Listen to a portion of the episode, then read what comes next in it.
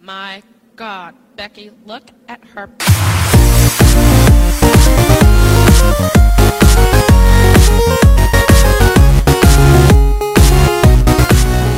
Da var vi inne her med en helt ny episode, nemlig nummer 108 av Lolbua.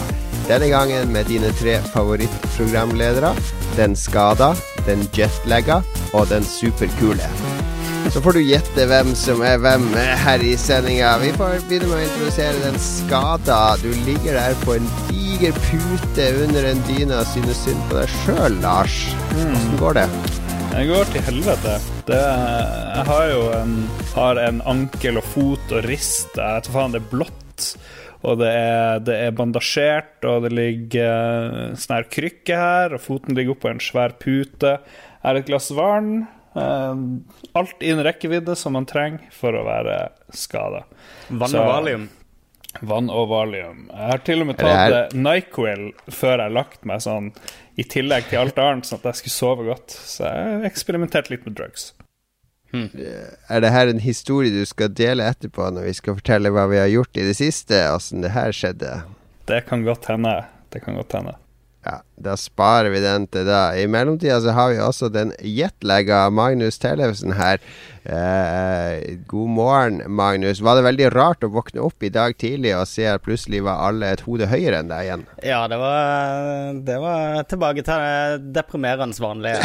For du har vært i det fjerne Østen. Oh yes. Jeg, Jeg lurer på hvor, det, hvor er det nære Østen? Er det Midtøsten, liksom? Og så er det fjerne Østen helt borti Kina? Jeg vet ikke, hva er det første, første landet vi nevner som Østen? Hva er Russland, egentlig? Er det Europa, det? Østensjø heter det jo, så det, må, det er jo Jeg bor jo, jeg bor jo på østkanten. Finland. Jeg vet, kanskje gamlebyen er nære Østen. Finland, Finland er øst. Ja. Men eh, ja, jeg har vært i denne, det, det fjerne Østen eh, denne gang. Du har vært i China. Kina. China. Det har jeg. Hva har du gjort i Kina? Er det, det er jo et sånn kommunistland. Er det, var det trygt å dra dit? Det var kjempetrygt. Ja, hvor i Kina har du vært? Det er jo bare verdens største land, omtrent. Ja, det er liksom ikke en dagstur. Det, det bor jo Hva er det, 1,1 milliarder mennesker der. Ja, de sier så. Vi begynte i Vi har vært med familien, og det har vært eh, alt annet enn ferie. Det har vært sånn beinhardt sånn program hver eneste dag fra åtte om morgenen til åtte om kvelden, og vi har reist gjennom hele landet. Vi har vært i Beijing først og kikka på en hel haug med ting. Og så har vi vært i en eh, by som heter Xi'an, som er liksom den opprinnelige keiserbyen. Der er- du finner sånn 6000 år gammel historie. Og så Ja. eh, endte vi opp i eh, Shanghai, som har en ganske ung historie i kinesisk målestokk. Spennende. Jeg tenker Mm. vi får høre mer fra Kina ganske snart. Du kom hjem for under 24 timer siden. Ja. Eh, brukte vel 15 timer på å reise tilbake. Eh, og eh, jeg sov Sov ikke på et døgn på veien tilbake. Jeg sover dritdårlig når jeg reiser, og tenkte at det skulle være en bonus på jetlagen, men det har jo egentlig bare ført til at jeg har sovet fire timer. Og ikke så veldig mye mer enn det, så eh, jeg gleder meg til å sove nå når vi er ferdig med denne sendinga. Det blir nok deilig. Yes, det var mine to kompanjonger. Så er det selvfølgelig meg, Jon Cato, som er tilbake som vanlig. Og for de eh, mer observante lytterne som følger oss uke for uke, så, eh, så var jo vi sammen eh, i påsken også. For da eh, lanserte vi vår nye spesialpodkast, nemlig Sidbua, som jeg har eh, jobba med i en stund. Og åssen syns dere det gikk, Magnus og Lars? Det Jo, jeg så jo dette bra. um, Ja, Lars For alle Nei, jeg har hørt den halvannen gang, den uh, Sidbua episode 1, hvor du tok for deg ti låter fra Zapp 64 som kom i år. Hvilket år var det? Det var fra februar 87. Topplista til Zepp64 over beste spillmusikk på Commodore 64. Hmm. Nei, jeg syns det var helt supert. Personlig. Mye spennende info om uh, diverse spill og komponister. Ja, det er spennende. Veldig bra. Takk, takk. Absolutt. Jeg satt jo på andre sida av The Great Firewall, som de kaller den. Um, så det var begrensa hvor mye vestlig underholdning jeg hadde tilgang på for den uh, relativt treige linja mi. Jeg, jeg, har hørt litt på den på forhånd. Jeg syns det er uh, kjempekult. Ja. Og jeg har jo ja, fordi... sittet noen timer med den grafikken i forkant også, så Ja, takk.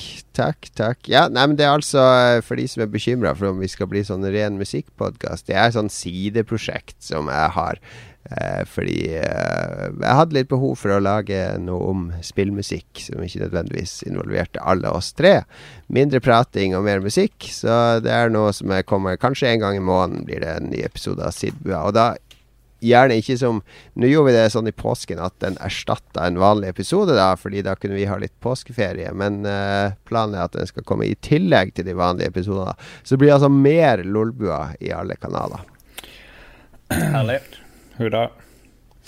Hipp hurra. Litt mer entusiasme kan vi kanskje klare å få. Er det medisinene Er det medisinene som drar deg ned nå, Lars? Jeg er litt sånn eh, Jeg er litt nedpå. Jeg er litt nedfor. Det er pga. alle downersene du sitter og dytter i deg der du sitter med vondt i beinet, Lars. Mye Prozac. Uppers. Ja. All right. Vi må selvfølgelig dele litt av hva vi har gjort i det siste. Nå har vi teasa, Dere har teasa litt allerede av hva som har skjedd. Kanskje vi skal begynne med denne dramatiske historien. Nå har jeg, sett, jeg så bl.a. Uh, The Revenant nå i påsken, så nå tenker jeg at Lars har en sånn dramatisk bjørnehistorie på lager med hvordan eh, foten hans gikk skeis. Eh, eller kanskje er det mindre dramatisk. Hva, hva, hva, er det som har skjedd, Lars? Derom strides de lærde, fordi jeg var pære fette dritings på lørdag. Det begynte med en lang rekke White Russians, som jo Alle gode historier begynner med. Det så jeg på Snapchat, at det gikk i White Russian. ja, det gjorde det. Så morsomt, koselig her, hørte på musikk la-la-la. Fant ut vi skulle ut, lenge siden guttene hadde vært ute. Uh, med en gang vi kom ut, så begynte jeg å blekke ut. Vi snakka med en sånn dame på 23 år, visstnok, som jeg husker veldig lite av. Uh, vi var innom flere utesteder. Jeg tok og filma. Noe av det her kom tilbake fordi jeg filma liksom rundt omkring. Så da kunne jeg se på mobilen. Å ja, der har vi vært. Og, og liksom. Det er jo en utrolig dårlig idé å filme.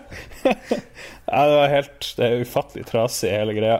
Så spol frem noen timer seint på natta. Eh, jeg, jeg, jeg, husker at jeg lå på bakken, det regna, det var is. Det var sikkert sånn som jeg husker det, fire sankt med vann på bakken der jeg lå og, og etter hvert skjønte at jeg ikke kom meg opp. Ved egen hjelp. Så du sklei på isen og, og, og tråkka over, eller noe? Det er mulig. Jeg tror jeg har falt ned for jeg har sånn Jeg slått masse plasser på kroppen, så det er mulig jeg har blitt overfalt av sånn her eh, østeuropeisk gangster, eller jeg vet ikke. Ja, helt sikkert. Lars, Lars, du skylder meg penger! Så bare slå meg på ankelen med sånn balltre og rundt omkring på foten, for den foten er fucked up uh, de luxe, altså. Så, ja. Men du våkna midt på natta på is og vann og ja. ikke kom deg opp. Hva gjorde du da? Litt usikker, men neste jeg husker, er at jeg er på sykehuset, og folk sier at de her klærne de må vi få av han. Det her, eh, det her går ikke. Så da ble jeg strippa av klær og Klippa de opp buksa di og sånn? Nei, heldigvis ikke, så klærne Klærne er intakt. Så, så sporer vi fra liksom klokka syv-åtte, og så blir jeg rulla ut fra hospitalen. Uh, finner ikke nøklene. Sitter i drosja hjemme og skal liksom komme meg inn. Finner ikke nøklene. Alt. Jeg har til og med ikke klart å miste brillene mine, som jeg jo bruker å miste under sånne her forhold. oh my god, det er så flaut. Hadde du ikke en kompis til å ta seg av det? Nei, nei, nei. Jeg vet ikke helt hva som har skjedd, men jeg var alene midt oppi der. Men jeg måtte jo kjøre til en kompis og tenkte jeg skulle banke på vinduet og få han opp, fordi han visste hvor en sånn ekstranøkkel var. Fordi han har bare putta den ut i garasjen et eller annet sted. Jeg klarte ikke å finne den. Eh, så, og mobilen min var gått tom for strøm, så jeg måtte liksom Jeg tenkte jeg skulle gå og pikke på vinduet, men jeg klarte ikke å gå noen sted. Jeg var fremdeles helt borte vekk. Og drosjesjåføren hadde ikke veldig lyst til å gjøre det. Så den stakkars drosjesjåføren, vi holdt sikkert på i en time, og så klarte vi å lade opp mobilen min. Uh, han hadde ved alt hell en sånn ekstra lader til iPhone der. Så jeg fikk nå vekt og kom meg hjem og sov til klokka to. Våkna opp og var bare helt sånn her knust. Sånn gikk det. Ikke drikk og gå på isen, eh, folkens. Eventuelt bli overfalt av russisk mafia. Så nå er du sjukmeldt med foten, eller? Nei, jeg har tatt sånn røddag i dag, um, og så får vi se. Jeg klarer jo ikke å gå, jeg må holde foten høyt, ellers så bare eser den opp og blir sånn rød og sprengt og sånn. Så jeg kan ikke gå på noe jobb, det kan jeg ikke, så jeg må til legen i morgen. Det, For et drama. Du vet hva som hadde løst situasjonen, eller gjort det mye enklere, var hvis du hadde hatt sånn som jeg har snakka om før, nemlig sånn Yale Doorman dørlås, der du bare trenger å taste inn koden din. Mm. Aldri mer nøkkel. Fingeravtrykk. Det får du kjøpt. Ja, du får kjøpt det til Du får kjøpt sånn eh, dørlåser med fingeravtrykkleser, så du bare kan låse deg inn med å trykke fingeren på døra. Men hvor, hvor i Harstad var det du falt henne, da? Var det nede ved bussterminalen, eller på torget, eller nede ved kaia, eller? Jeg er litt usikker. Det var is der, hvis det er et hint. Det var masse is. Der, var- jeg var i er, der er is i Harstad. Jeg tror det var sånn ikke så veldig langt unna sykehuset, egentlig. Eller sånn, ja. Jeg, jeg er Var på vei hjem da, kanskje? Ja, ja, jeg var på vei hjem. Så, men eh, fuck. Ja.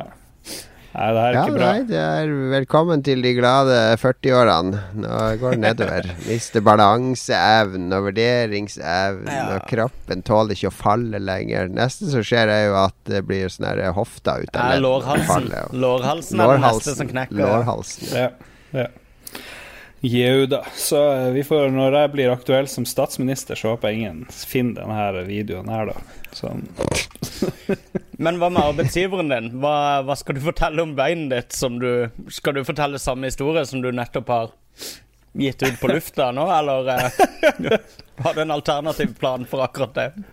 Det er vel en viss sjanse for at noen på jobb eh, hører den podkasten. Nei, jeg vet ikke. Det var nå det som skjedde. Det er bare å være ærlig. Det, Det er jo veldig inn med sånne eh, introverte journalistblogger der de deler sine egne erfaringer. Eh, Blir det her en blogg på Harstad-tiden om ditt møte med sykehusvesenet i fylla? Ja Vinkling. Eller kanskje litt sånn sinnablogg om manglende strøing på fortauene i Harstad? uh, ja. Nei, jeg vil ikke snakke Jeg angrer på at jeg fortalte. Jeg har delt for mye. I've said too much. Ja, du får klippe, får klippe til det her som du ønsker. Jeg håper på en sånn her personlig sånn her eh, Den lange veien tilbake-sag som går over flere Ja, en føljetong. Ja, en Ja. sånn føljetong i hastetiden om veien L- tilbake. eh, Lars Rikard minutt for minutt. Kanskje vi monterer noen sånne webkamera sånn hjemme der du Sakte TV. Ja. Nei, Jeg skal dikte opp en historie om at jeg måtte redde noen fra å bli påkjørt, og så ble jeg kjørt på sjøl. Det funker helt sikkert. Ja, jeg har vært eh, Akkurat som Magnus har vært langt mot øst, så jeg har vært uh, langt mot vest. Jeg var jo Ja. ikke med på forrige episode av Lolbua, for jeg var uh, i San Francisco med ganske tett program, for jeg har vært på Game Developers Conference. Um, det første gang jeg har vært på GDC. Jeg har vært på E3 veldig mange ganger, så det var, det var litt annerledes messe. Veldig annerledes by, uh, San Francisco, på mange måter. Vi bor jo Alt foregår i sentrum, rett ved et sånt strøk som heter Tenderloin. Mm. Eh, og det er jo eh, På 60- og 70-tallet så var jo California var et sånt sted der eh, republikanerne eh, drev og eksperimenterte litt med psykisk helsevesen. Det vil si, de stengte alt av psykisk helsevesen og eh, gjorde det ulovlig å tvangsinnlegge folk, uansett hvor gale de var. Eh, Man kunne kun legge seg inn sjøl, frivillig. Og eh, ene etter andre eh, statlige asyl ble stengt, da. Så Tenderloin eh, i San Francisco blir sånn oppsamlingsplass for narkomane og gale mennesker, da. Eh, Herlig. Så jeg, ja, det er ikke et veldig hyggelig strøk. Jeg forvilla meg inn der en natt når jeg var på hjem, hjem fra sånn norsk aften, og det var liksom som å gå fra dag til natt på fem sekunder. Der var det plutselig så var alt mørkt, og det sto folk og kauka og ropte og skreik og lå og sov i rennestein i soveposer og skikkelig sånn agronivå på alle kanter. Og jeg hadde veldig lite lyst til å ta opp telefonen og stå og kikke på Google Maps eh, i mørket der. Og San Francisco, bare å- de har skikkelig uteliggere. Ja, det er, eh, det er litt som Det minner meg litt om Venice Beach, bare på Mm. Venice Beach er de litt mer avslappa. Ja. De er litt mer sånn Hey man, og chill out og sånn, mens her var bare sånn Hey motherfucker!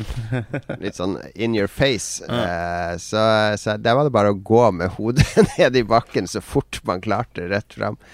Og se mest mulig farlig ut. Men uh, ellers var det en veldig fin by. da Jeg så den der broa en gang. Jeg var på sånn food market. Jeg gjorde egentlig ekstremt mye. Det blir for mye å dele her og nå, men det var um, uh, Ja. Det var bra messe. Masse bra møter. Møtte masse folk. Jeg var på besøk hos Double Fine, som har veldig kule kontorlokaler inne i sånn gammel fabrikk med Mm. sånne røde murvegger og masse, masse, masse pynt. Møtte Eh, du han uh, Tim Schafer, han sjefen? Han uh, var ikke der. Han var oppe på messa. Han drev med presenterte De har et sånt område på uh, GDC da som heter Day of the Devs. eh, Ja. Der de har sånn inviterte utviklere som stiller ut. Der var blant annet eh, The Res-spillet til PlayStation VR. Og Hæ. Headlander var der i spillbar versjon. Eh, jeg Møtte han Lee, som er eh, han lead-designeren bak Headlander. Lee Patty. Eh, ja. Så mye, mye Det skjedde veldig mye. Utrolig hektisk. Jeg hadde jo egentlig tenkt å prøve å lage noen sånn lolbua der borte, men det falt helt i fisk. Eh, det var liksom Jeg gikk gjennom alle Uber-kvitteringene i dag. Da. Det var bare sånn herre Printe ut en hel eh, dorull på printeren omtrent med kvitteringer, fordi det var hit og dit hele tida. Noen burde prøve å printe ut noe med dorull. Det hadde vært spennende.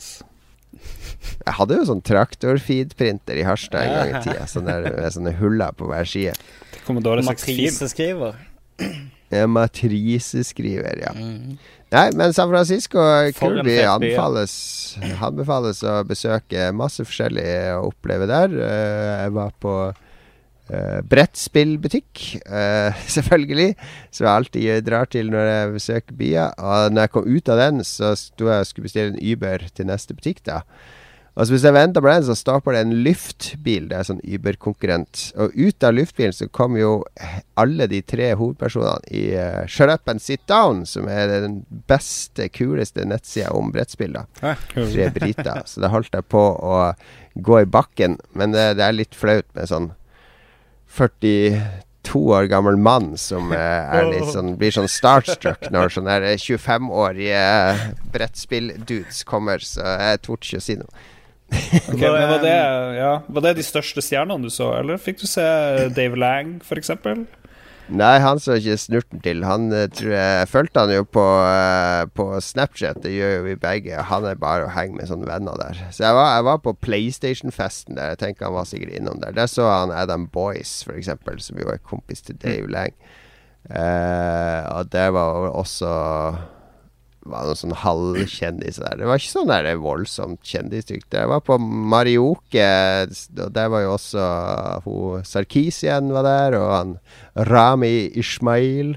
Og så var vi på sånn indie-frokost på den søndagen rett etter vi kom, som er sånn der eh, på en sånn veldig kul kafé-bar eh, klokka ti om morgenen på søndag. Og det var liksom Det var han andre duden i Blambir. Ikke han Rami, men han andre fyren.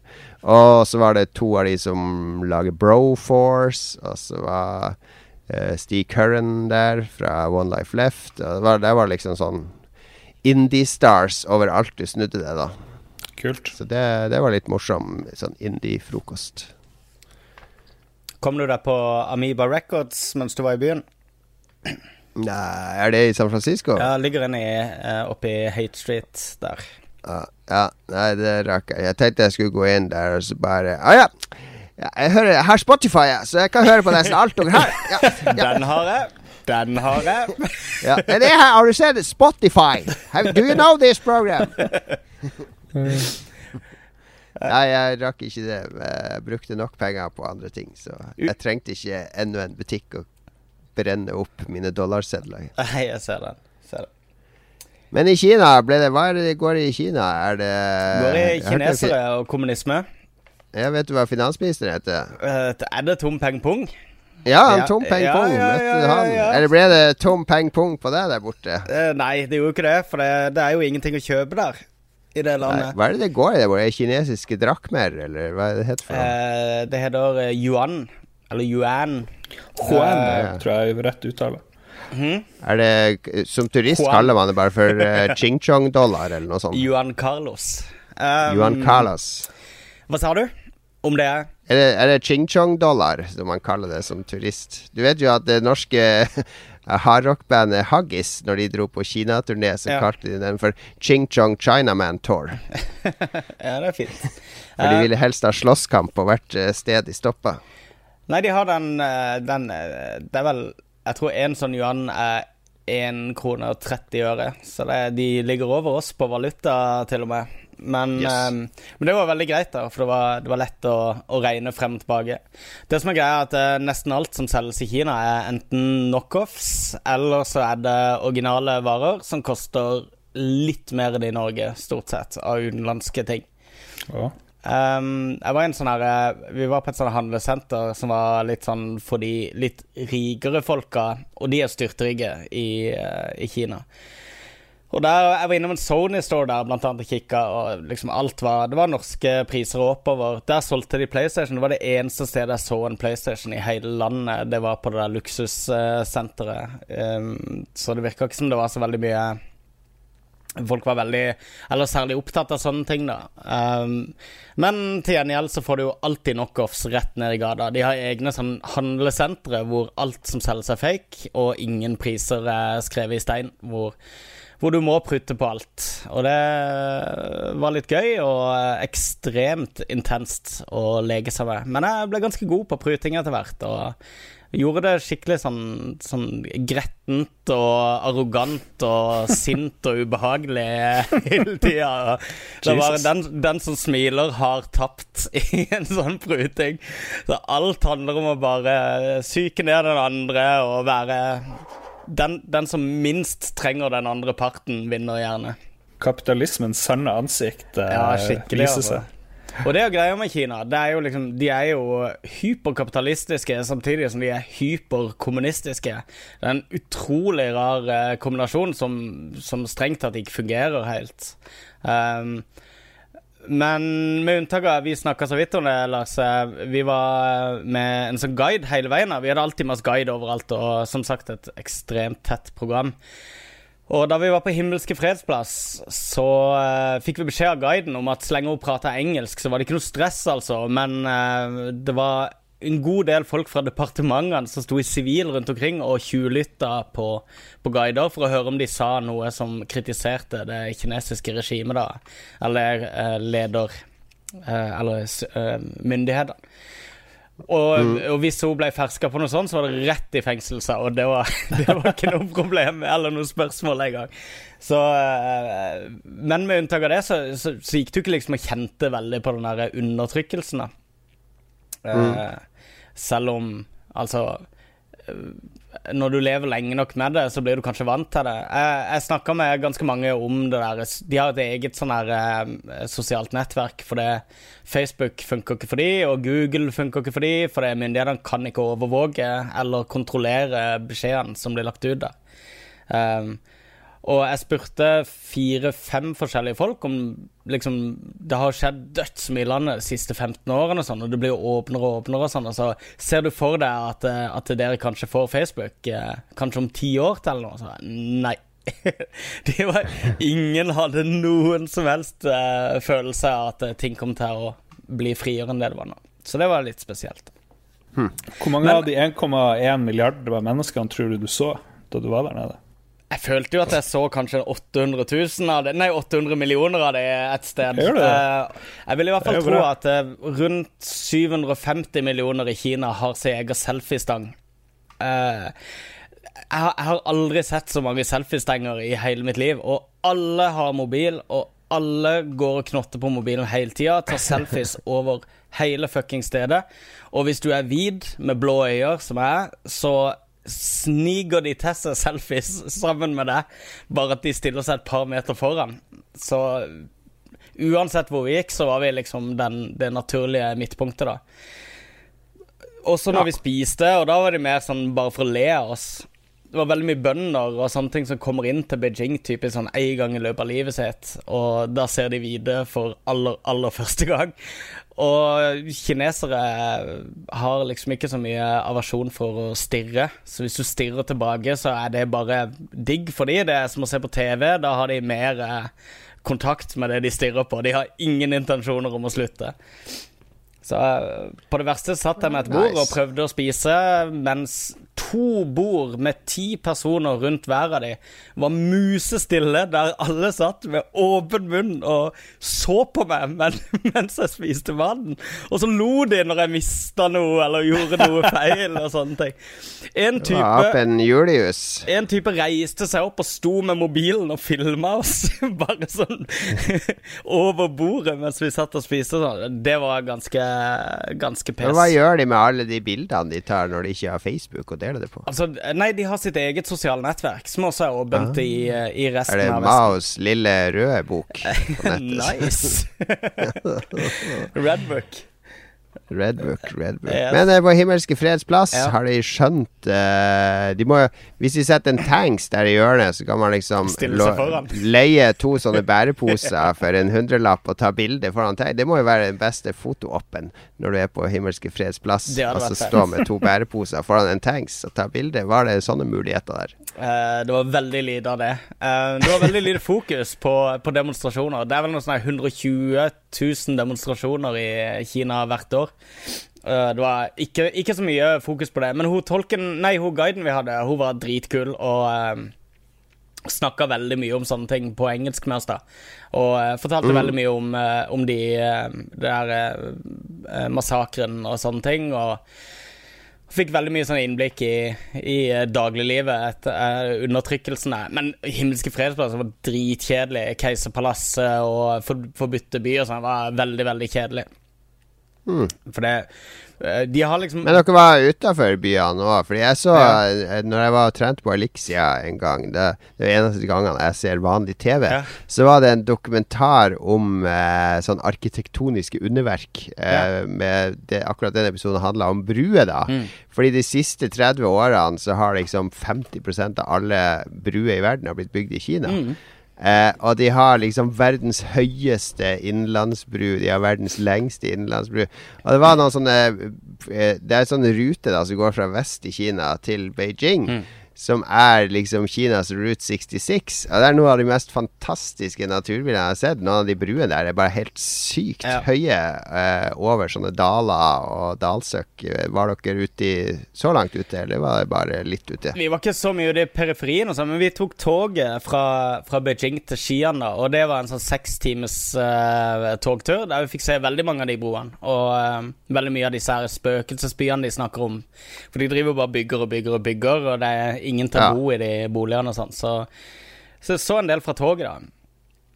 Uh, men uh, jeg tror kanskje det kuleste vi så, var Og det Jeg driver og sparker meg sjøl for det nå, fordi at jeg, jeg trodde jeg filma alt. Men vi skulle til det muslimske kvarteret i Skian. De har et eget sånn der muslimsk uh, område, da.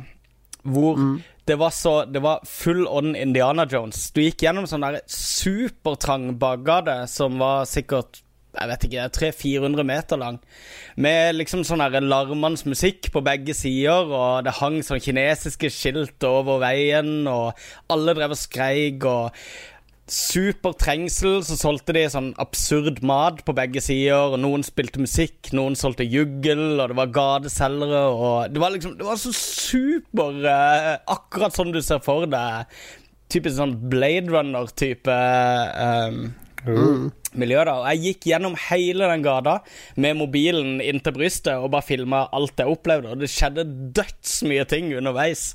Folk som løp forbi og nesten begynte å slåss, og det var dritmye fett. Så fant jeg ut etterpå at jeg hadde bare tatt ett bilde idet jeg begynte å gå. Og jeg hadde gått gjennom hele den trengselen. Det tok meg et kvarter å filme hele greia, og så ble det med ett fotografi. Hvordan smakte chilled monkey brain? Eh, det ble lite av det, altså. Um, men vi spiste dødsmye god mat, og det overraska meg litt. Jeg hadde ikke så høye forventninger til akkurat det. Men uh, vi hadde, de, vi hadde hun guiden som bestilte all maten for oss.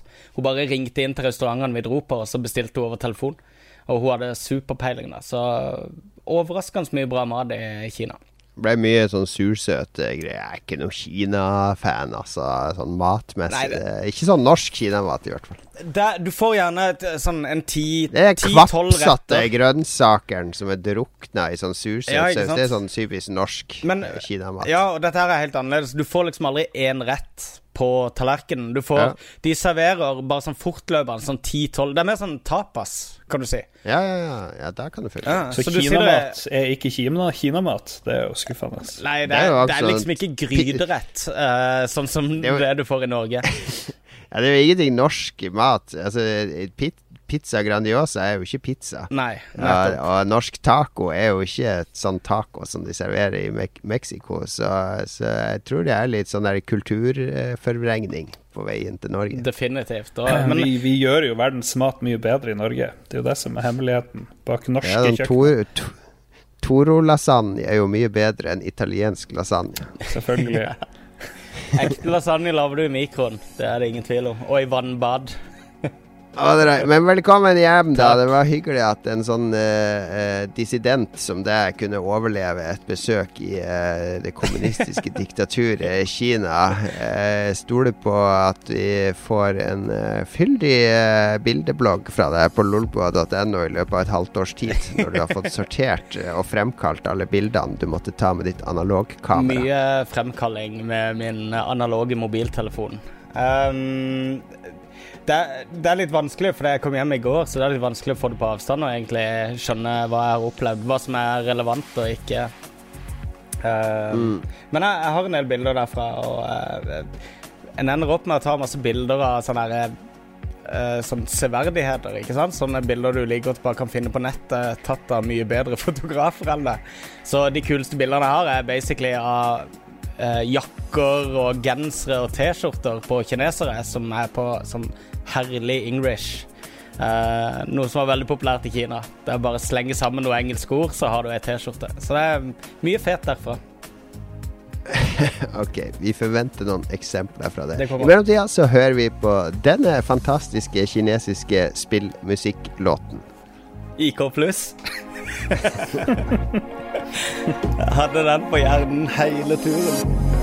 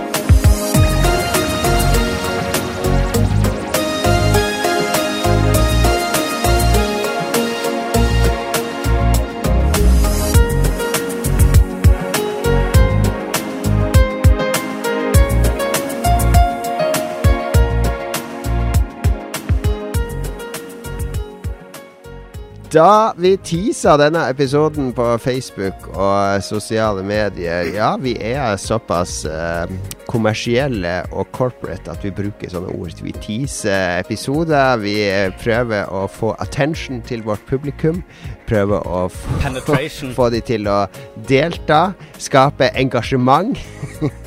Eh, word of mouth. Vi, det, vi er veldig utspekulerte. Altså, vi virker veldig sånn rotete og joviale og tullete på overflata. Men bak fasaden så skjuler det seg en kynisk medieorganisasjon med, med behov og ønske om å gripe inn i deres liv og kontrollere dere, kjære lyttere.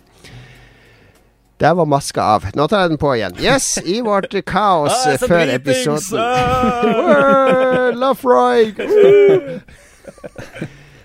I kaoset før episoden når vi teaser og sånn, så vi trenger jo alltid en krok å henge episoden på. Vi vil jo gjerne ha litt innspill fra lytterne. Hvis vi bare sier at vi skal spille inn en ny episode i kveld, har du noen spørsmål, så blir det veldig sånn Da er det Vegard Megaman Mudenja og, og Jan Christian Heigel som, som spør etter altså, sånn «Øh, 'Hvor det går, gutta?' Eller noe sånt. Men så hvis vi, hvis vi henger det på en krok, et tema eller noe som har skjedd, så skaper vi. Da får folk liksom sånn Unnskyld. Det er akkurat som på fest. Hvis du, eh, hvis du har en lapp for øyet når du hilser på folk, så får du 'Jøss, hva har skjedd med øyet ditt?' Da har de med en gang en inngangsport til å snakke med deg som fremmed. Så det, vi har en inngangsport når vi teaser. Denne gangen så hadde vi en rumpe som inngangsport, fordi det siste døgnet så har det eh, vært litt sånn der Akkurat som deg, eh, det har vært en flott internettstorm rundt en rumpe i spillet Overwatch, så vidt jeg har skjønt. eh, jeg leste meg litt opp av det på toget på vei hjem fra jobb i dag. Det har seg nemlig slik at i dette spillet Overwatch så har du forskjellige figurer da, som poserer forskjellig når de vinner en kamp.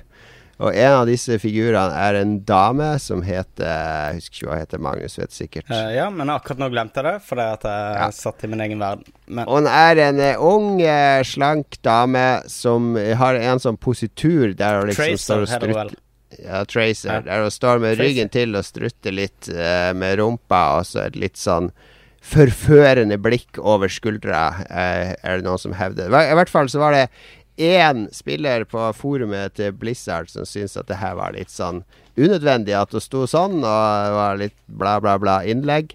Og så tolv sider senere i den tråden, etter tolv sider med masse sånne eh, disse, Det er jo disse eh, puppe- og rumpebeskytterne som ofte har tilhørighet til Gamergate, som sier nei, nei, nei, nei, nei, nei, nei, nei. Uh, så var det en fra Blizzard som sa jo, men det tar vi til etterretning, så vi skal gjøre om den posten. Mm. Og det var jo da var jo Da var jo stormen et faktum. Eh, Den, eh, Så har det jo den underskriftskampanjen for å få tilbake den uh, rumpeposen. Oh shit. Ja da, det er viktig å ha viktige kampsaker Yes. og engasjere seg rundt. Så, så det, vi tok det som utgangspunkt. Og så kjørte vi en uformell avstemning på hvem av oss som har penest rumpe. Ja. Det, sjekk ut Twitteren vår, så får du det svaret. Det skal vi ikke røpe her og nå. Det er en, en spennende Den er ikke ferdig ennå nå når vi spiller inn, så det er fortsatt en sjanse til at eh, Lars eller Magnus kan ta igjen min flotte rumpe. Så, og for de som leste mellom linjene i den pollen der, så var det meninga å være ironisk når dere svarte der. Så det ser vi jo at de fleste har fått med seg. Snakk om å gjemme seg, klamre seg til halmstrå. Nei, men hva syns vi av Altså, er jo Jeg vet ikke. Er, her er det snakk om eh, en uh, utvikler som får en henvendelse fra en spiller som spør Du, jeg syns det her er litt teit, kanskje dere kan endre det? Og så gjør de det. Er, er det så Sånn for, Spillere gjør jo sånn hele tida. De vil ha ny slutt på Mass Effect. De vil ikke ha en selvshada Zelda. eh, Link. Uh, de, de maser om endringer og ting i spill hele tida, og her er det jo en utvikler som hører på en fan. Er ikke det utelukkende positivt? Jo, og eh, det går an å også ta med at uh, eh, Det første var at eh, den personen som klagde på dette her, eh, reagerte på at det var veldig out of character på denne Tracer-figuren å stå liksom og, og flekke ræva til kamera. Eller i det hele tatt å sette henne i en sånn semisexy posisjon var litt sånn rart. For det hun har mer sånn her nerdete, hyperaktive lillesøster-person, eller personlighet, da. Og, og derfor var det litt rart plutselig å, å vise henne på samme måte som den over, eh, oversexy characteren Widowmaker, som har den samme posen da når, når hun vinner kamper. Det er den ene tingen. Det andre er jo at spillet er jo ikke i open beta engang. Spillet er i closed beta, og dette vet jo du, Jon Cato, at uh, terskelen Ja, ja, det, er- alt er jo work in progress. ja, og terskelen er grusomt lav for å, for å høvle vekk og for å eh, eksperimentere med sånne småting, og så fjerner du veldig lett ting som ikke fungerer i closed beta. Uh, og eh, det må vel være første gang at det har vært en underskriftskampanje om å om endringer i closed beta. Uh, Og ja, jeg, jeg, forstår bare ikke engasjementet rundt dette. Jeg syns det er helt greit å, å, ta det vekk. Hvis noen Hvis Blizzard føler at det er noe de vil, ikke, ikke, vil kunne stå inne for når spillet lanseres, så ta det for all del vekk. Det er, det er, det er jo ingen som kommer til å reagere på at at du ikke får se Tracer bakfra, på en av de billigste victory-posene i, i, spillet i tillegg. Da. Helt meningsløst. Storm i et vannglass. Ja, ja. Det var jo mye bråk da og Quiet eh, ble presentert i Metal Gear Solid 5. Der er det jo kun ass, tits and ass på hele karakteren. Og uh, kunne jo, man kunne jo sett for seg at uh, Kojima tenkte ja, OK, nå har folk helt rett Eh, Quiet skal ha på seg frakk og, eh, og, treningsbukse i hele spillet, pluss en stor genser. Men, men, det er ikke det det er snakk om her. Nei, nei, det jeg bare sier det Det handler ja. litt om det samme, da. Det nei, men fordi at eh, Hvis, hvis spillet hadde uh, konsekvent kutta den måten å vise kvinnelige karakterer på, så hadde jeg vært enig med deg, men det gjør det ikke. Altså, du har hun her uh, Widowmaker, som er sånn übersexy sniperdame med super utringning og tighte klær. Som åpenbart skal være en sånn her overseksualisert character, da, sånn type sånn her gammel sånn spionfigur. Um, hun kjører de på. De, der flesker de på med sexy poses, liksom, fordi at det, det er in character. Men det var når de gjorde det med en character som det på en måte føles litt sånn unaturlig for. Det er jo det det ble reagert på. Så vi er ikke mot uh, litt uh, heftig manne- eller kvinnerumpe generelt uh, i spill, med andre ord? Nei, vi er jo for uh, kunstnerisk frihet ja, ja, i spill. Uh, og det her er jo et spill med en fantastisk uh, visuell, leken mm. tone, som har en masse vinklinger og prestasjoner, som Magnus sier. Det er jo det er karakterer som det passer for, og det er kanskje karakterer som det ikke passer for. Altså, problemet, er, eller det som mange tror, er jo at det er en sånn eh, diger agenda med folk som sitter og prøver å påvirke spill og sensurere mm. spill. Og det er det ikke. Altså, som utviklere så lytter vi jo til spillere hele tida. Vi lytter jo, vi bruker jo testpublikum, vi tester jo reaksjoner. Og det er ikke sånn at din reaksjon som hardcore gamer er viktigere enn en annen sin reaksjon. Alt blir jo veid og målt, og, og hvis noe kan gjøre ting bedre eh, mer tilgjengelig. Uh, hvis det er det vi ønsker, så er jo det noe man gjerne vil gå etter. Men hvis du har en overordna Sånn som det spillet vi lager nå, som vi viste for første gang på GDC, ja. der har vi en veldig sånn overordna kunstnerisk eh, visjon. Uh, der det er enkelte ting vi kan gjøre som vi vet folk kanskje reagerer på, men det må være der for at spillet skal fungere. Uh, og kanskje hvis det kan vekke debatt eller et eller annet, så er det bare positivt. Mm. Det er jo det en av de tingene vi vil oppnå. Så alt har jo en kontekst. Uh, jeg syns Mega64, som meg og Magnus i hvert fall kjenner godt til, som er disse vitse, vitsemakerne som lagde YouTube-videoer om spill lenge før YouTube. de holder jo på fortsatt, og de la jo ut en veldig morsom video her om dagen med denne Der de sa uh, Gamergate Der de er Gamergate-nerder da som skal innføre en sånn sexboikott fordi Dead or Alive den nye Dead or Alive ikke selges på Walmart. og der blant annet han John der uh, uh, maner til krig mot alle disse social studies warriors. med Anita Sar Sarkashian i spissen og sånn. det er en veldig morsom video som sikkert tråkker tråkke på noen ømme tær. Men eh, det er jeg merker noen av ikke jobber i det spillmediet lenger og skal dekke alt det på nært hold, når jeg heller sitter og skal produsere spill, at uh, hvor utrolig lite engasjert jeg er i hva folk som Total Biscuit og alle andre mener om ting. Mm. Hvor lite relevans alt det der støyet og bråket rundt disse filletingene faktisk er. Eh, eller har. Fordi det er jeg vet ikke, jeg tror mye av det er folk som gjerne vil føle seg relevant, og at de er, har en viktig mening, og at de blir hørt. Men uh, det, du blir ikke hørt jeg, jeg, jeg benekt, ja. ved å holde på som du gjør. Men du benekter at du er med i den trippel A-gruppa, da, Jon. Det er anti-ass agenda. Den er Der er ikke Nei, men Disse folka er jo også ikke sant? Altså, disse som er for eh, rumpepositurer, da, er jo De sitter jo også bare på utsida og prøver å diktere den kunstneriske eh, friheten til utviklerne, på lik linje med de som prøver å stoppe det.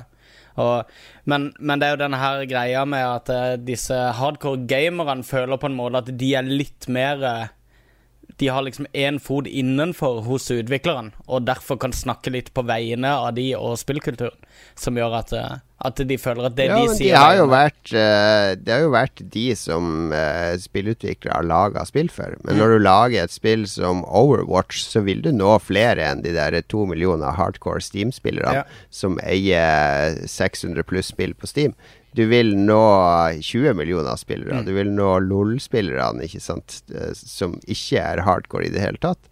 Så du har et mye bredere publikum å nå. Og da jo, jo bredere du skal nå, jo mer hensyn må du ta. Sånn er det jo bare. Og jeg tror akkurat når, når folk snakker om sensur og sånn, så tror jeg også det er, som jeg nevnte tidligere òg, det er viktig å tenke på at, at de har jo ikke fjerna det totalt fra spillet. Det er bare at de har fjerna det der det på en måte ble, eh, ble oppfatta som å, ja, å, å ja. krasje med konseptet. Ikke, ikke, er, ikke at de fjerna ja. det Ikke at de fjerna det fra spillet, det er bare at de bruker det mer målretta for å få frem det de prøver mm. å få mm. frem. Og det er, ikke, det er ikke noe nytt heller. For det er jo også folk fremstiller det som at det er en sånn bevegelse nå som gjør at spill blir endra eller, eh, eller sensurert når de kommer til Vesten. Sånn som det nye Fire Emblem fra Nintendo har jo blitt endra fordi du har noe sånn petting minigame og ja. sånn creepy greier i den japanske utgaven. Så, og de har kledd på noen figurer litt mer klær. Uh, i, i, andre japanske spill, i Exeno og Blade Chronicles, gjorde de vel det. Og det har de gjort i alle år. De gjorde jo det i Xenogears på PlayStation 1, der de fjerna alle kors og referanser til kirka fordi det var sånn tungt sånn katolistisk underbudskap der, som ble modifisert til den vestlige releasen. De fjerna japanske, eller hva heter det, de asiatiske lykkekorsene, som er sånne hakekors som er bak fram, i, uh, i uh, Legend of Mystical Ninja-spillene. Fordi du slipper ikke et spill i Vesten med hakekors i, selv om de er speilvendte hakekors. Så de endra de symbolene. Altså de, det er masse sånne endringer i spill når de skal tilpasses. Det kalles kulturtilpasning, mm. rett og slett. Og det sitter jo vi og vurderer når vi skal lansere spill i i Midtøsten eller i Russland eller i Asia.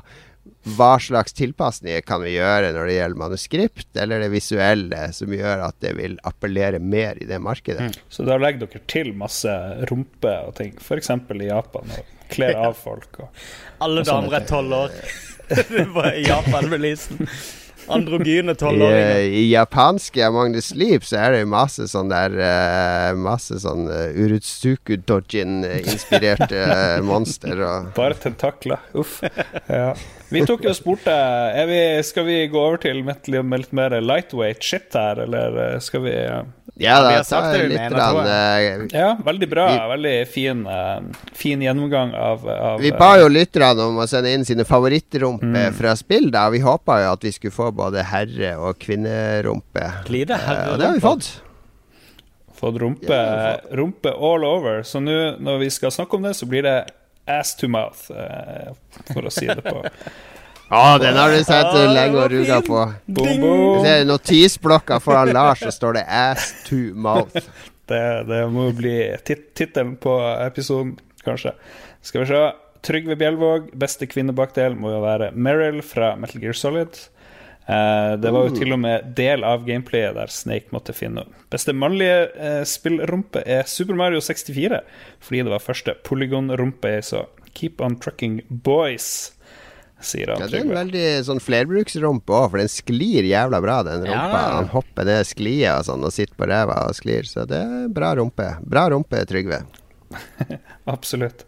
Eh, Marte Kvammen, Kvamme Strømmen sier at jeg kan ta feil, men jeg synes å huske at det vokste fram en fanklubb til rumpa uh, til Kaidan etter Mass Effect 2 eller én eller tre, kanskje. Jeg er såpass lite interessert i rumper generelt at det ikke gjør meg noe at det ikke blir lagt veldig vekt på. To be honest, sier hun Marte. Ja, det var veldig mye rumpefokus i Mass Effect. Det husker jeg. Mm, husker jeg. Det var alltid riktig fokuset på det spillet der.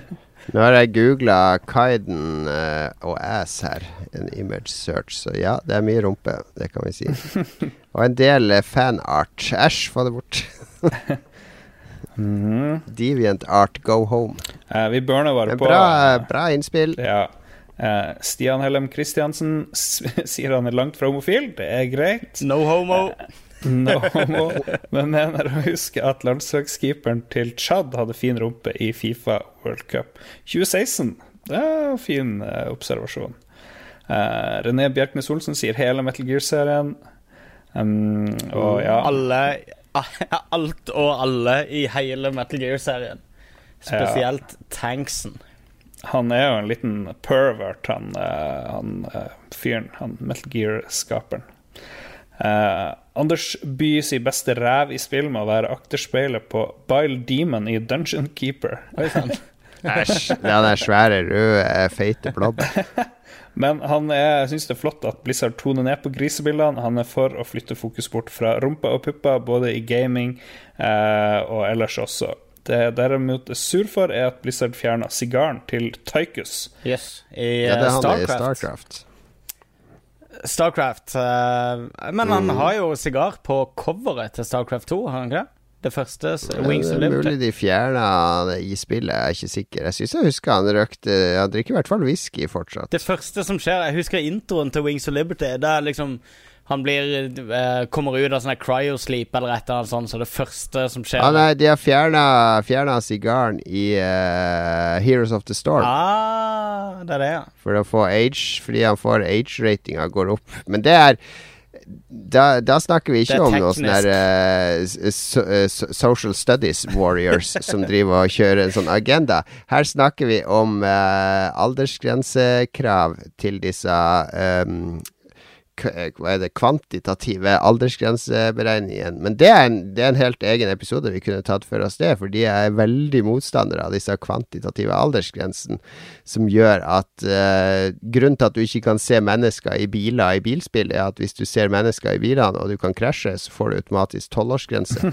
Men hvis det ikke Hvis det tinta vinduer så du ikke ser noen menneskesilhuett inni, så blir det tre pluss, uansett hvor hardt du krasjer. Altså, det er helt idiotiske regler. Hockeyspill for 16 år fordi de kan slåss med knyttnevene fordi det skjer i sporten. Så, så det har med aldersgrensene å gjøre. Og det igjen, Heroes of the Storm det er jo et spill der de skal nå veldig bredt, så da må de holde aldersgrensa nede. Så det, ja, det, det er feil å skylde på at noen fans har fått den fjerna, i hvert fall. Eh, før vi tar Erik Berntsen bidrag, eh, som er litt på grensen, så opplyser eh, Stian, som nevnte Fifa, at det var 2006, ikke 2016.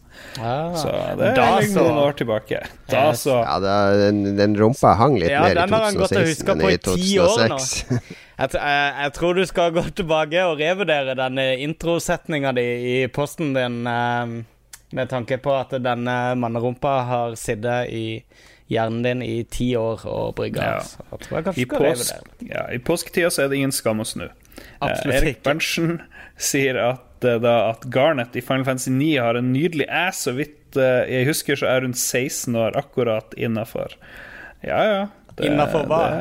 det- Putt han der, eh, putt han der Berntsen på flagglista vår. Vi skal, vi skal holde øye med hva han poster av innlegg i framtida, for det her er litt på grensa. Nei da. Eh, og så eh, Rolf Helge Øvergård Ingebrigtsen. Eh, syns eh, vi at det har gått for langt med at sexy poseringer må fjernes? Eh, må alle være nøytrale nå? Og by the way, beste rumpe gaming må være Cammy fra Street Fighter. Det har vi vel for så vidt Vi har diskutert. det, ja. eh, Det har vi diskutert. Eh, Vi syns, vi syns vel det er greit at du ikke trenger å putte sånn eh, Mariah Whittaker på coveret til spillet, sånn som de gjorde med Barbarian på 80-tallet, for For å vekke kåte følelser hos gutta for å få dem til å kjøpe det. Ja. Og til slutt, Jan Alt i kontekst. Ja. Kontekst er alt. Absolutt. Til slutt, vår venn Hegel, stor fan av Cortana sin rumpe. Man kan ikke benekte Bajonetta sin heller. Så da har vi eh, fått eh, rumpeoppdatering. Jeg vet ikke hva er vår favorittrumpe eh, ever. Ingen har nevnt han fyren i Uncharted. Han syns jeg har kanskje beste mannerumpa Nathan i- Drake. Ja. Ja, du syns Mm. Jeg har ikke noe forhold til rumper i spill, tror jeg. Jeg kommer ikke på noe som har uh, prega, prega meg særlig. Um, tja Det er et vanskelig spørsmål. Mm. Jeg spiller jo alltid dame i tredjepersonsspill, da, fordi jeg vil heller se på, Det diskuterte vi på en dame bakfra enn en mann. Men ja. Ja. Så nei, jeg det, uh, var ikke Jo, hun der i, uh, i Drømmefall. For hun, der var det jo også litt sånn kritikk at hun hadde så stor rumpe. Det syns jeg, synes jeg var Syns det var Hun var fin. Fin bakfra. Mm. Og Chloé. Nei, Zoe. Zoe, sorry. Så, ja. Og Lara Croft i Tomb Raider var jo tidlig Det var jo en av de første polygonjenterumpene jeg så, tror jeg. Pluss Sofitia, selvfølgelig, i uh, I Final Battle Arena Toshin. Nei, eller var det Ja, ja, Nei, nei, nei, det var i Soulblade. Sofitia. ja. Ja. Jeg husker Du ikke vet hva de sier, Lars. Du glemmer aldri din første polygonjenterumpe.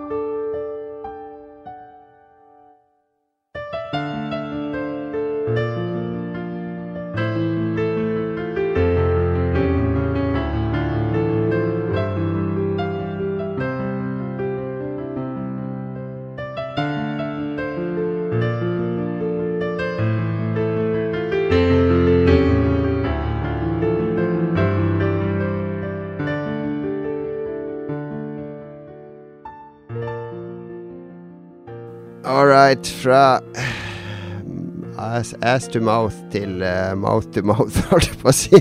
Vi skal snakke om hva vi har spilt i det siste.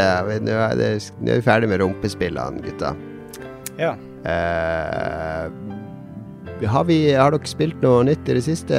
Vi har jo vært gjennom Division. Jeg har fått tilgang Eller vi har fått tilgang til et helt nytt spill. Jeg vet ikke om vi kan snakke om Nei, det jeg tenkte på det sjøl. Jeg lurer på om det er noe ja. embargo foreløpig, er det ikke det? Ja, jeg har fått noen mail på det. Jeg tror det er Embargo de luxe. Ja, det er jo så mye Altså, for det er dere som ikke får spill tidlig, for vi får det av og til via våre venner og bekjente og våre mediekontakter. Det er bare hassle. Det er så mye mm, tekst i de mailene du må lese opp og ned med instrukser og greier. Det er nesten som man ikke finner den koden for å laste ned spillet, så det er ikke noe å trakte etter. Det er mye enklere bare å kjøpe det. Absolutt. Men vi kan ikke snakke om det fra vår venn eh, på Lysaker, tror jeg. Nei, vi, vi, eh, vi kan si tittelen på spillet, kan vi ikke det? Og så kan vi Ja, vi kan hinte om tittelen. Det har noe med et kvanteknekk Yes. Kvanteknekk Det heter er det på norsk. Kvanteknekken, tror jeg den norske tittelen. Kvanteknekken er jo et sinnssykt bra tittel. ja, det er det. Kvantebrekk. Ja, vi har spilt det litt, men vi må snakke om det i neste episode. Eller er det kvantepause de egentlig mener? Ja, Quantum breakdance, kanskje. Uh, jeg, jeg kan snakke litt om uh, uh, Dark Souls 3, som jeg fikk tilgang til i påsken. Fordi det, det er jo litt sånn drama igjen, har jeg sett på Dark Souls-forumene. Fordi det er jo From Software som lager disse spillene, og fansen elsker jo From Software. Uh, Demon Souls, Dark Souls 1. Toeren er det ikke alle som liker like godt. Bloodborne elsker jo alle, og nå Dark Souls 3. Men det de ikke elsker, er jo at Namco Bandai tar seg av PR og markedsføring av Dark Souls 3, for de har jo gitt koder til eller sånn early access til spillet til sånne her 5000 youtubere og pressefolk, så de har oppfordra til å streame masse fra spillet nå sånn Det er fortsatt to uker til det kommer i, i Vesten. Og det har jo Dark Souls-fansen vil jo helst ikke ha spoila en masse fra spillet. Det er litt sånn her feilaktig eh, markedsføringsstrategi, føler jeg kanskje. Men det er veldig mange som spiller det på Twitch nå, da. Eh, ganske lav terskel for å få sånne koder. Jeg fikk jo kode, så det sier jo sjøl hvor lav den terskelen er. Eh, men jeg spilte en del timer allerede. Åpna opp noen dører. Ikke tatt noen av de store bossene ennå. Jeg tror jeg er i nærheten av den første. Mm, det er kult. Det er tilbake til Det er litt tilbake til Demon Souls, Dark Souls 1. Fordi du har eh, Jeg vet ikke om dere spilte Dark Souls 2, men Dark Souls 2 er mer en sånn stor sprawl av områder som ikke henger så nøye sammen, da. Det er det mange som ikke likte så godt, fordi det føles som et mindre uh, gjennomtenkt spill enn de andre. Det er veldig lite sammenheng mellom Du går fra et område med masse undead, og så går du gjennom en hule, og så er det plutselig sånn sjørøverhule. Eller et eller annet sjørøververden, og så kommer du til en ørken. Mens her så er det mer den arkitekturen som var i de to første spillene, der du begynner et sted og ser du en diger by, og ser du wow, jeg kan gå dit og dit og dit, sånne steder som er flere kilometer unna, og ti timer etter så er du på det ene stedet du så på. Uh, alt henger sammen på et vis. Uh, så det er veldig kult. Jeg er i en, en sånn high wall of Lothric eller noe sånt nå. Så jeg drev og låste opp et katedralområde og tatt to bosser eller noe sånt. Uh, det er, for vi som har spilt Bloodborne, Lars, vi har spilt det en del, Mm. så er det, det er litt tilbake Det er litt seigere, kanskje. Bitte litt uh, uh, det, Du kan jo parere og blokke noe med skjold. Uh, men jeg spiller en pyromancer, da, så jeg har som regel sånn ildmagi utstyrt i venstre hånd, så jeg kan skyte fireballs og sånn på avstand. Uh, det er litt mer uh, Bloodborne krever liksom én spillestil, føler jeg. Uansett hvilken klasse du har, så er det gunner og uh, melee-våpen. Det er forskjellige stiler basert på hvilke melee-våpen du utstyrer da. Mens her så har du mye mer sånn forskjellige approacher. Du kan dual-wielde to våpen. Du kan være veldig basert på magi og avstandsangrep osv. Så og det spillet er litt mer Jeg føler det er litt mer sånn åpent for ulike taktikker. Jeg har i hvert fall Jeg hadde to karakterer jeg har lekt med. da En sånn ren Malay-dude, og så denne pyromanceren. Og det blir helt forskjellig fremgangsmåte til åssen jeg tar monster, og hva jeg gjør, og hvilket utstyr jeg gjerne vil utstyre meg med, og oppgradere og sånn. Så Uh, kanskje det, det virker som det, virker, det, er veldig velkjent, da, hvis du er fan av Dark Souls. Så det er litt på godt og vondt, kanskje. Eh, fordi jeg vil jo ikke at de skal vanne Eller at det skal bli sånn EA-franchise ut av det her, så at de bare gir ut nye spill. Men samtidig så er verden veldig mye mer inspirert enn Dark Souls 2, så, så jeg storkoser meg med spillet så langt. Som sagt, jeg har ikke kommet så langt ennå, men uh, foreløpig veldig glad. Ja. Fornøyd. Spennende. Jeg gleder meg til å teste. Teste det. Jeg var jo aldri den store Dark Souls-studien, men så spilte jeg Bloodborne og ble veldig hekta, så det, det, blir spennende. Jeg har så vidt fyrt i gang Dark Souls 2, bare fordi jeg hadde liggende her på PS4, men jeg har ikke kommet langt i det hele, i det hele tatt. Men ja, ja.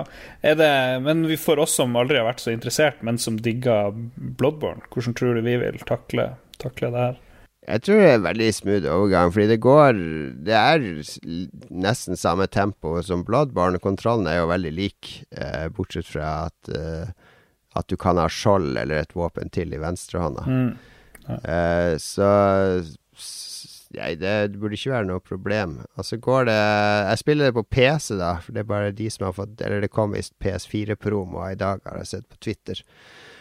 Uh, og der går det jo De har jo optimalisert PC-versjonen for første gang i, i, historien til det selskapet. Så det kjører jo silkesmooth 60 frames hos meg, med mak, alt på maks og Men uh, du kan ja, spille med PlayStation med DualShock, kan du ikke det, på PC-en?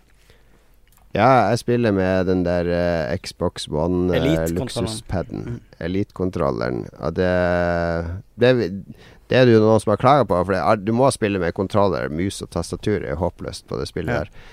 Uh, men uh, noen har klaga fordi at uh, alle ikonene på skjermen på Steam-utgaven av spillet er Xbox-ikoner, Xbox da. A, B, X, Y med de samme fargene. Altså de som spiller med PlayStation-kontroller, mener at de er biased. Biased? Oh, alle disse stormene i vannglass i spillmiljøet. det er jo bare å se hva er det flest spiller på på PC.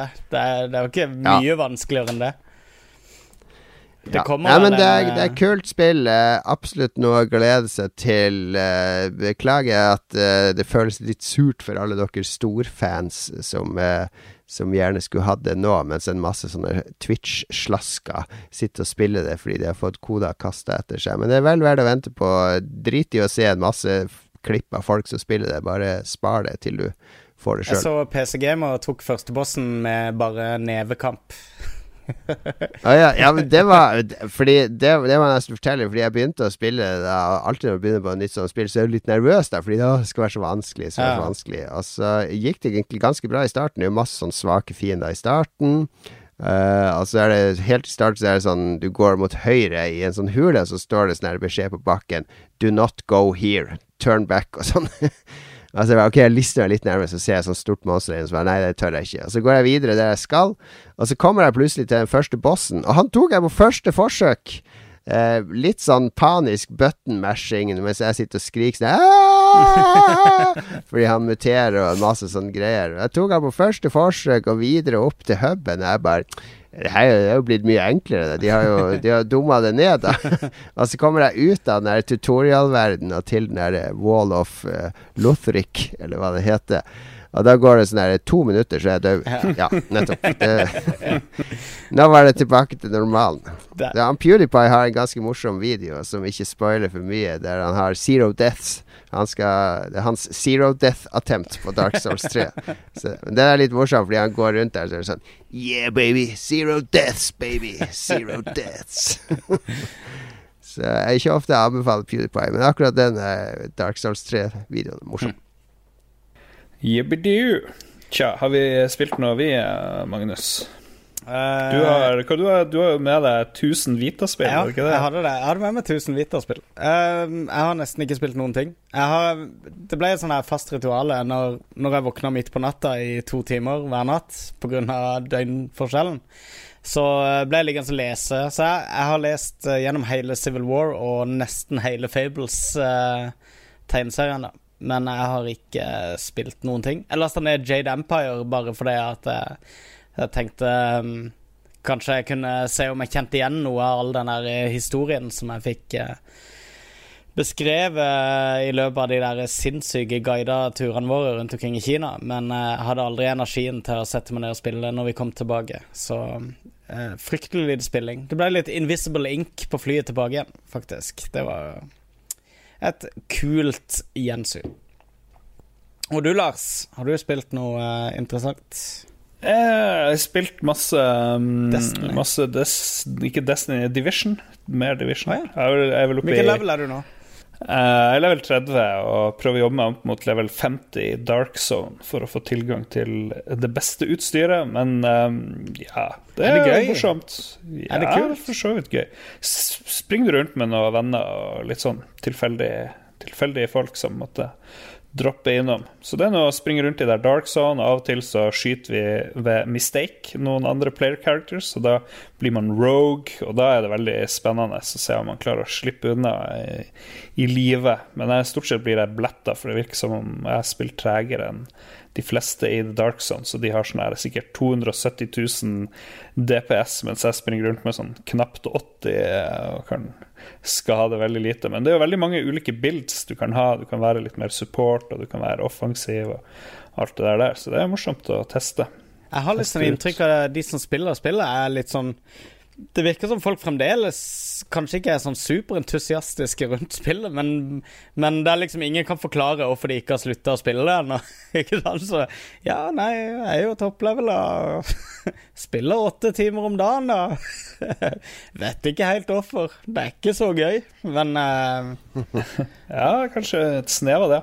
ja. Du har rett. ja Snigdivisjonisering. Ja, men det er Jeg, jeg syns jo det var litt sånn dårlig gunplay og sånn, men jeg, jeg føler at alle vå, ulike våpen har sine triks. Og du kan modde mye. ikke sant? Du kan øke skuddtakta. Noen våpen er bare burst fire, og noen Det er mye forskjellig. Noen er bolt action. Og, så man kan, man kan tilpasse mye sin egen, sin egen stil. Så jeg er ikke noe sånn Jeg er ikke helt ferdig med det. Nei, så kult. Ja. Ja. Mm. Men det er, eh, det, er, det er fordi du har folk å spille med. Ja, ja, ja. absolutt. Så det er mer Det var jo mitt problem. Jeg kom tilbake fra USA, så jeg er level 10, og så alle jeg kjenner er sånn der eh, 30 Ja. nå. Ja. Så det, jeg orker ikke å, å trudge alene opp til 30 bare for å være med. Og når jeg kommer dit, så er sikkert dere ferdig med det uansett. Ja. jeg er ferdig og ferdig. Men du kommer deg jo fort opp til level 30, da, Jon, hvis du bare kan Jo, det er jo så kjedelig. Jeg gikk jo fra level 9 til 10 alene. Jeg satt én time alene og gjorde de meningsløse Fetch Quest-oppdrag. Hmm. Ja. ja, ja. Ja, og det er også er det litt kjipt at hvis jeg skal joine der, så får du plutselig fiender på sånn her ti level over deg plutselig. Og du kan ikke Jeg syns det er så teit at ikke de har tilpassa det. Det er en sånn typisk uh, moderne MMO-ting. Med å, med å enten å nedjustere spillet for den høye levelen, eller oppjustere spillet for den lave levelen. Sånn at eh, Ja. For å oppmuntre at folk skal spille sammen selv om ikke de er samme level. Jeg syns det er litt rart at ikke de har tatt tak i det. Men Og så syns jeg det er rart at du kan lage flere karakterer, for det er noe vits i å ha mer enn én karakter. Ja, det har vel med å bare Ja, du kan jo bare rotere skillsettene du, du, du, du låser jo ikke noe skills.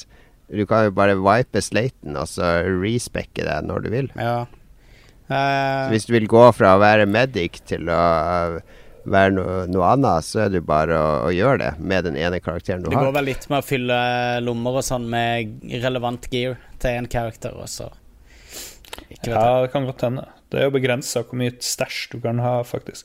Og så lurer jeg på om du kan gjøre de her daily missionene flere ganger hvis du har flere karakterer. Det er jeg usikker på, men det er mulig det går. Ja, at det er sånn Og så lager sikkert folk sånn mule characters der, sånn som i Diablo. Med når du har begrensa lommeplass, så bare driver du og transferer eh, gear over på sånn level 1-character som går og bærer på alt. Det er Ja. De der som, som bor ved postkassen og auctionhouset. Jeg hadde mange av de i World of Warcraft i sin tid også. ja, til og med jeg har. ja, ikke sant. Vi har en tre-fire lytterspalteting. Skal vi bare ta det, og så kaller vi det en tidlig, relativt tidlig kveld, eh, for en gangs Ja, skyld? det er helt enig. Do it. Do it. Skal vi se. Eh, han Hasse U, som ja, Johannes Utvåg, lurer på når vi tar meetup og quiz i Harstad. Det er jo et kjempespørsmål, syns jeg. Ja, det her er jo noe som du må worke inn til Festspillene i Nord-Norge, Ja, ja. Lars. At eh, Lolbua har en sånn egen uh, Sånn som på GDC, så er jo One Life Left Er jo en sånn der GDC-podkast. Så de har ute i eh, Nedenfor den store rulletrappa ned til den ene hallen, så har de et sånn panel satt opp under hele GDC, så hver dag så spiller de inn Eller fire dager, da, så spiller de inn en sånn halvannen times podkast og der de sitter oppe på det panelet med gjester, da. Og spiller inn podkast live hver dag fra ett til tre. Jeg husker Karate Eh. det på Kvartfestivalen. Med Kristoffer Schou Ja, og de hadde sånn. det her er noe Hvis Lars jobber det her inn til Festspillene i Nord-Norge og får de til å dekke at meg og Magnus kommer opp og får bo på hotell og vi, har, vi kan ha en stand på torget, for den saks skyld, men gjør det til en noe sånn digital kulturformidling. Det er høy takhøyde i Festspillene i Nord-Norge. Det handler bare om å selge ting inn riktig. Så kommer vi gjerne til Harstad og har både quiz og uh, podkastinnspill. Definitivt. Det høres ut som en god plan. Kristoffer Gettoboys Hansen Leistad uh, lurer på hva som er en ultimate showdown på tvers av spill. F.eks. Marcus Phoenix versus Bowser. Og det ble en liten sånn minidiskusjon så jeg der på Facebooken vår om akkurat det her. Ultimate showdown. Hva er liksom Hva er Silver Surfer, og hva det heter Galacticus, eller hvem er de liksom mest kraftige spillkarakterene noensinne som har eksistert? Galactus er jo tegneseriefigur. Ja, men jeg, jeg dro det over i Silver det Surfer. universet. Ja, ja. Kraftigste spillfigurer. Mm. Nei, si det, si det, si det. Eh, det må være den der prinsen i Katamari Damasi som løper rundt i verdensrommet og ruller planeter sammen. Det fins vel ikke noe over enn det. Ja. ja, bra forslag. Absolutt. Eller så har du det der Capcom-spillet Asuras Wrath, der Ja. de knuser jordkloden og sånn med knyttneven. Yes. Mm. Da sier vi at det blir damned. ah, ja. The end! The end. Det, vi har ikke så mye fantasi. Fantasien går når alderen kommer, Kristoffer. Så, så vi, det var veldig eh, vanskelig for oss, det spørsmålet. Ganondorf. Ja. Ja. Hmm. Ok, det var elendig jobb av oss, men det får så være. Uh, Vegard Megaman Mudenia lurer på om vi har prøvd Salt and Sanctuary. Nope. Uh, blir å mase til vi har prøvd det og elsker det. Jeg har spilt litt. Det står på lista mi. Det er sånn 2D Dark Souls, er det ikke Ja, det? veldig. Det er alt minner om Dark Souls. Så I stedet for Souls så har du Salt, og, og Sanctuary er vel der du leveler opp eh, og får lov å bruke items og styre. Det var dritvanskelig, men det var veldig fint, fint spill. Det, anbefaler det. Apropos, eh, apropos Souls og Salt og sånn. eh, det er jo mi, mitt favorittnavn på en spillpodkast er jo den engelske Daft Souls. som jo er eh, ordspill på kryss og tvers. Ja, ja, ja. Ja, absolutt. Eh, Fredrik, eh, kan vi snakke om hva vi ønsker at Nintendo skal gjøre i fremtida? Jeg har sett at mange tror at det kommer noe NX i år, da. At det blir å dukke opp. Og så har det jo vært der nyheten om at PlayStation skal komme med en sånn versjon 4,5. 4,5. ja. Ja. Eh, Ja, hva, kan- hva syns du om det, Lars? Du som har vært en, eh, en eh, Hva skal vi si? En, en glad PlayStation-spiller de siste jo- årene. Den, ja, Siden PS4 kom, så har jeg vært sånn PS4-mann. Nei, jeg vet ikke, jeg syns det er litt rart. Jeg synes det er veldig rart, det her PlayStation 4,5. At noen sier at det skal være fordi man skal kunne spille 4K-spill. Men det, selv den kraftigste PC-en sliter vel litt med å kjøre noe 4K-ting i fornuftig framerate, så det, det er jo helt usannsynlig at, at det blir noe sånn. Men er ikke det litt rart å, å måtte kjøpe en ny konsoll for å få tilgang på alt, på en måte?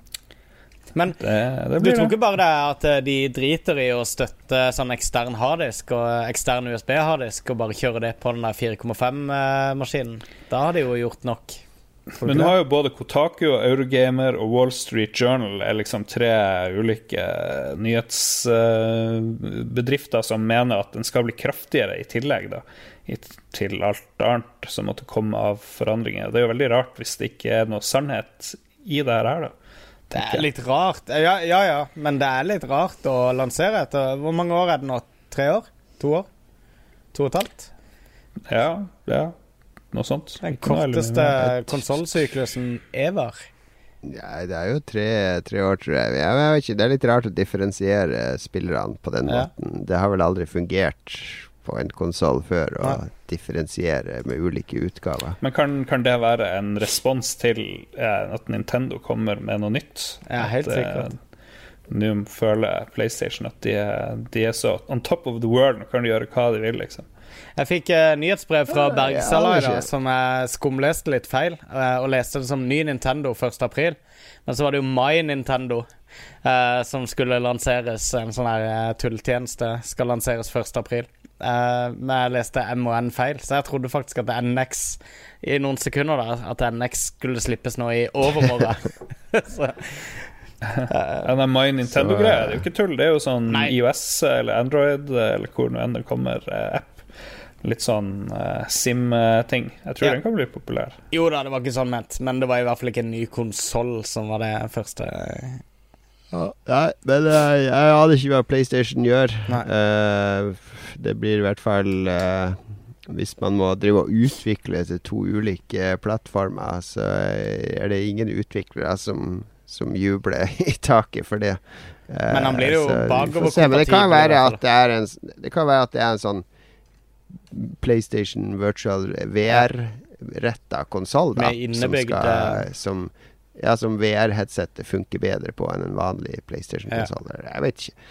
Nå spekulerer jeg bare, for jeg vet Men eh, Microsoft, har jo også, Microsoft var jo også nylig ute og sa at um, uh, Du skal ikke se bort ifra at eh, det skal gå an å bygge ut konsollen på sikt. Så det virker som det er noe både Sony og Microsoft har belaga seg på med denne tiårssyklusplanen sin, med, å, med at det skal gå an å bygge ut hardwaren på sikt.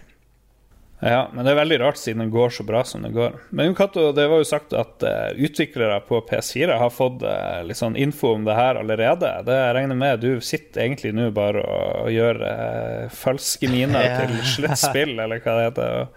Ja, du vet mye mer enn du sier nå, gjør du ikke det? Eh, nei, jeg vet ikke så mye mer enn jeg sier.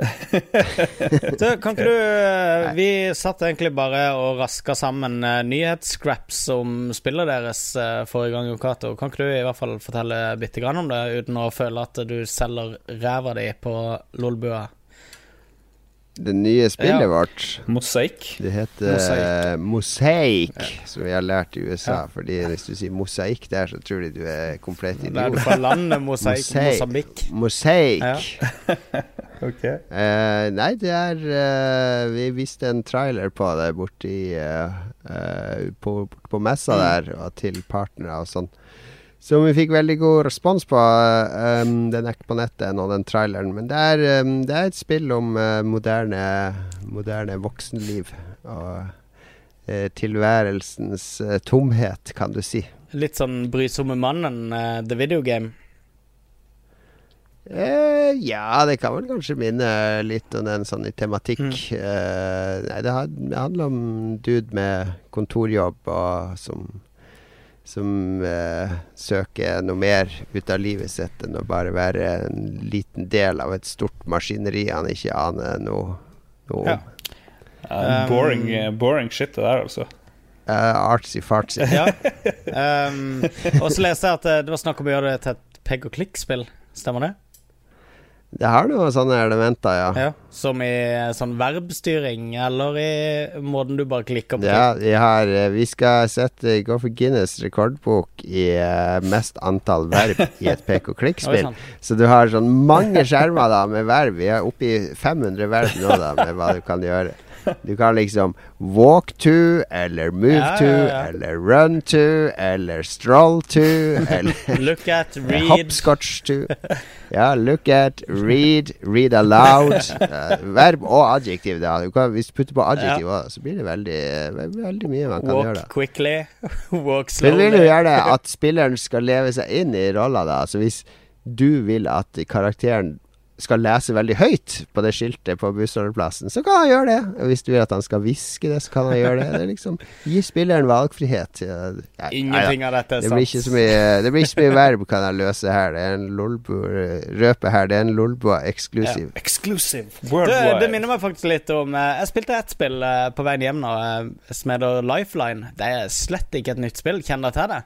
Det er et mobilspill. Ja, det har jeg spilt for lenge siden. Yes. Utrolig morsomt. Men så, le Ja. så lenge du spiller det i Altså, det er et spill der du på en måte sitter på sånn 911-linje og bare tar imot. Du blir kontakta av en dude som har krasjlanda på en planet med et romskip, eh, og man skal bli dødt.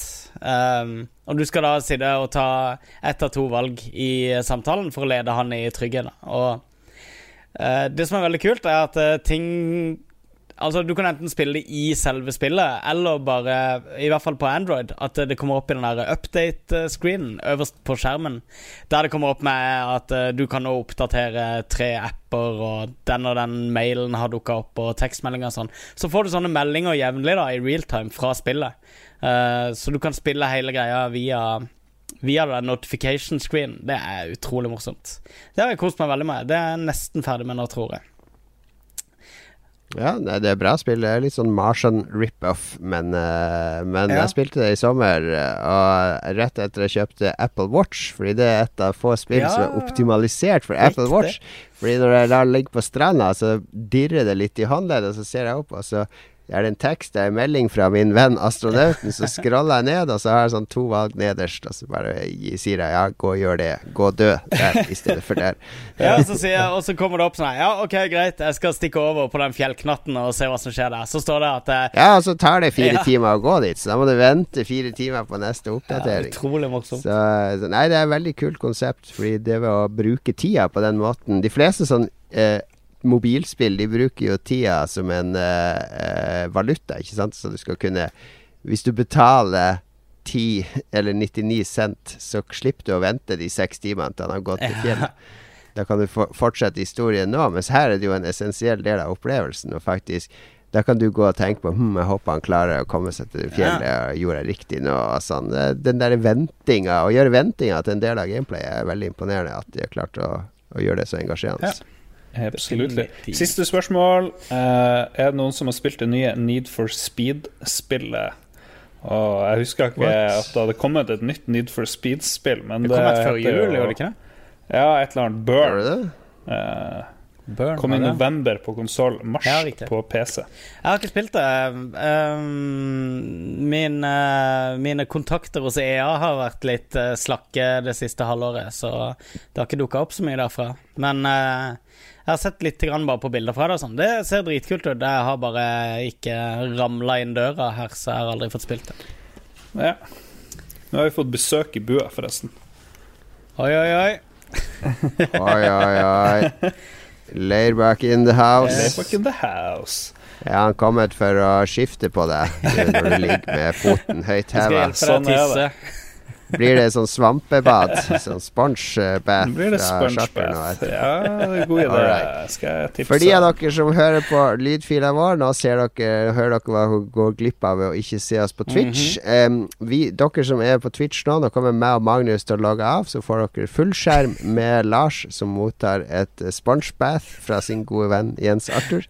Eh, det vil ikke meg og Magnus se på, så vi logger av. Vi takker alle lyttere som har hørt på, og de som har sett på. Eh, vi er tilbake neste uke med en spektakulær episode der vi Du kommer til Oslo i helga med foten din, Jeg Lars. regner med det. Jeg kan jo ikke ikke komme på egen bursdagsfeiring i Oslo. Der får vi høre hvordan det gikk når eh, Lars prøvde å gå på Blaze i rullestol. Eh, om de faktisk bærte han ned trappa eller ikke. Det blir meget spennende neste uke. Eh, der skal vi høre alt om eh, Lars sin 40-årsdag her i Oslo. Det gleder vi oss til. Du er, du er, egentlig, du er egentlig 40 år allerede, men uh, du skal jo feire litt her nede. Yes. Europe. Inntil da, følg oss på Twitter, et Lolbua på Facebook. Lolbua på uh, Kan følge oss på Snapchat. Jeg er jo Snap-kongen. Jeg har jo er jo tonn med folk som ser snappene mine nå, så nå føler jeg pressure hver gang jeg legger ut. Ja. Tonn, ja. Eh, Et tonn med tolvåringer som følger deg på eh, Snapchat eh, i år.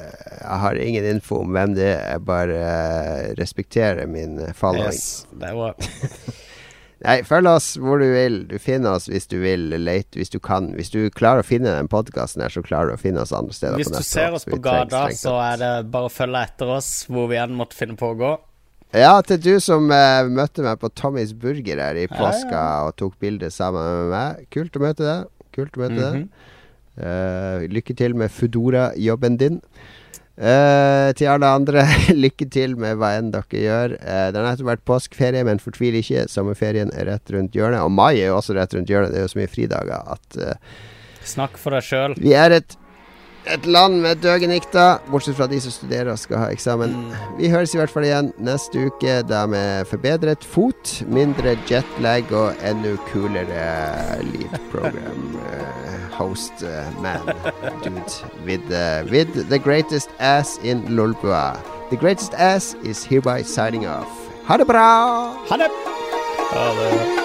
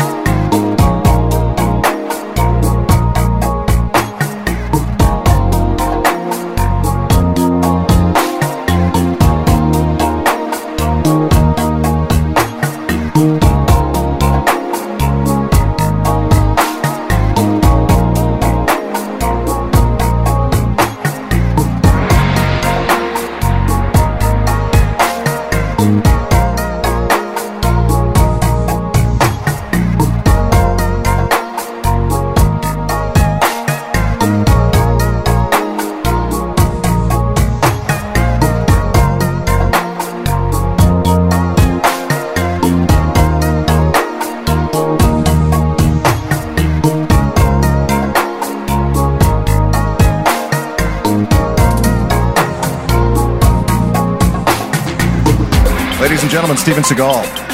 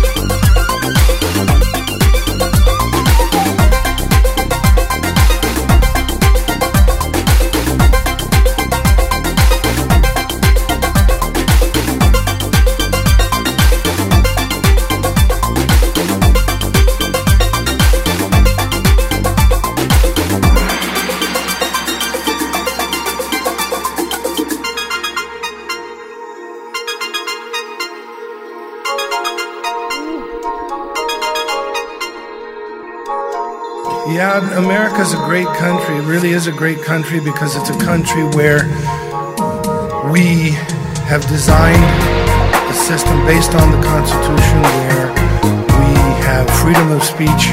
We're allowed to disagree and say what we want to say and uh, should not be persecuted for it.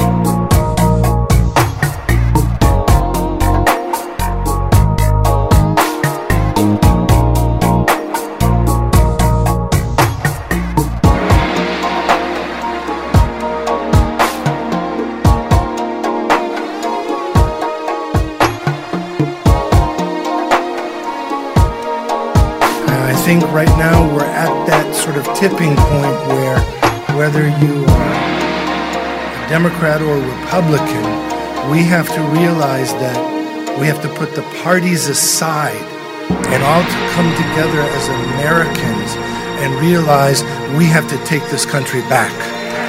Thank you.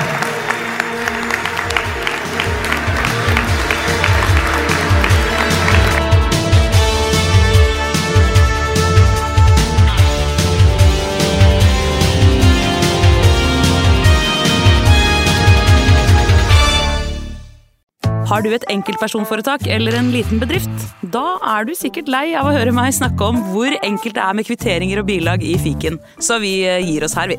Fordi vi liker enkelt. Fiken superenkelt regnskap.